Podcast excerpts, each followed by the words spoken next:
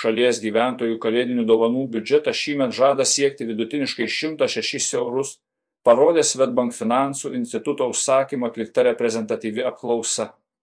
Vienai dovanai gyventojai yra pasirengę išleisti vidutiniškai 25 eurus arba 7 procentai mažiau nei prieš metus.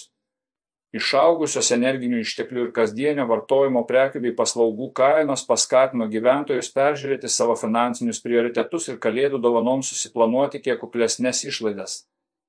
Tiesa, įvertinę infliaciją, gyventojai planuoja 17 procentų didesnį nei pernai švenčių stalo biudžetą. Jam šįmet žadama išleisti vidutiniškai 83 eurus, sako Svetbank. Finansų instituto vadovė Juratė Cvilikienė. Vis dėlto, kaip pastebi jo Cvilikienė, vaikams kalėdų senis žada būti dosnesnis. Jų dovanoms tėvai planuoja išleisti daugiau nei prieš metus. Pavyzdžiui, vaikai iki trejų metų po egluteras vidutiniškai 36 eurus kainuojančią dovaną, o vyresnių nei 13 metų vaikų dovanai respondentai numatė skirti vidutiniškai 55 eurus. Tai yra atitinkamai 9 procentai ir 10 procentų didesnės sumos nei 2021 metai, iš anksto taupyti nelinkę. Nors gerokai ūgtelėjusios kainos ir nerimas dėl finansų paskatino gyventojus pagalvoti apie mažesnį dovanų biudžetą, visgi iš anksto taupančių dovanoms skaičius neišaugo. Tuo metu iš anksto taupančių švenčių vaišėms, palyginti su praėjusiu metu duomenimis, skaičius padidėjo paklaidos ribose 2 procentai punktais komentuoja jo Cvilikienė. Tyrimo duomenimis, kaip ir pernai, kalėdų dovanoms taupė arba jomis iš anksto pasirūpino 41 procentą šalies gyventojų. Tuo metu šventinio stalo vaišėms iš anksto taupė nurodo vos daugiau nei vieno iš keturių respondentų 26 procentai. Pasak Svetbank finansų instituto vadovės, tikėtina, kad griežtesnio taupymo režimo gyventojai gali imtis tik pajutę realią šildymo išlaidų bei pabrangusių paskolų įtaką savo biudžetui. Pirkti dovanų vėl į priekybos centrus. Kaip rodo tyrimo rezultatai, išsikvėpus pandemijai dovanų ieškotojai vėl grįžta į priekybos centrus ir kitas fizinės apsipirkimo vietas.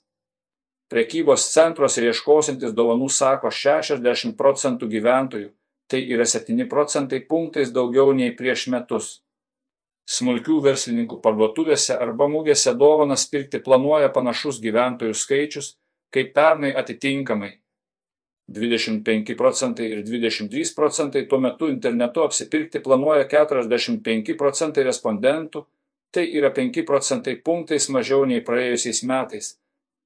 Komentuoja jo Cvilikienė. Remiantis tyrimu, į labiausiai trokštamų dovanų penketuką šiemet sugrįžo bilietai į renginius jų pageidaujantis sako 21 procentas respondentų. Ir tai yra net 8 procentai punktais daugiau nei prieš metus. Labiausiai pageidaujama dovana ir toliau išlieka pinigai arba parduotuvės dovanų čekis 26 procentai, gyventojus itin nudžiugintų ir kuponas kelionį 18 procentų ar spa 18 procentų.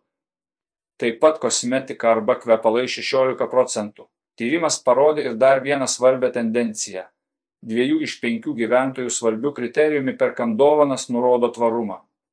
10 procentų sako, kad dovanoms renkasi tik tvarias prekes ar paslaugas, 34 procentai teigia tvarumą laikantis svarbiu privalumu, pažymė jo Cvilikienė, kaip išlaikyti finansinį stabilumą. Finansų ekspertė pažymė, kad norint nepritrūkti lėšų būtinosioms išlaidoms mėnesio pabaigoje ar iki kito atlyginimo, verta labai kruopščiai susiplanuoti gruodžio biudžetą ir jo laikytis. Tikrai pravers surašytos visos būtinųjų ir nebūtinųjų išlaidų eilutės su konkrečiomis sumomis, į sąrašą įtraukiant dovanų ir šventinių vaišių išlaidas. Dar vienas svarbus veiksmas žmonių, kuriuos ketinama pasveikinti - sąrašas. Tačiau jį reikėtų įvertinti kritiškai, galbūt kai kuriems pakaks simbolinės dovanos ar žodinio sveikinimo. Planuojant dovanas, Geriausia nusimatyti konkrečius dalykus, nes improvizacijos parduotuvėse dažnai virsta didesnė išleista suma. O jei suma, kurią savo mėnesio biudžete galite skirti dovanoms ir vaišėms, yra labai ribota, apgalvokite galimybę artimiausių rate keistis dovanomis. Burtų keliu ištraukite po vieną žmogų, kuriam teiksite dovaną. Taip mažiau išleisite ir jūs, ir jūsų artimieji. patarė Svetbank finansų instituto vadovė. Galiausiai, pasak jo Cvilikinės, verta nepamiršti nebrangių simbolinių dovanų paieškos nugėse ar mažose krautuvėlėse.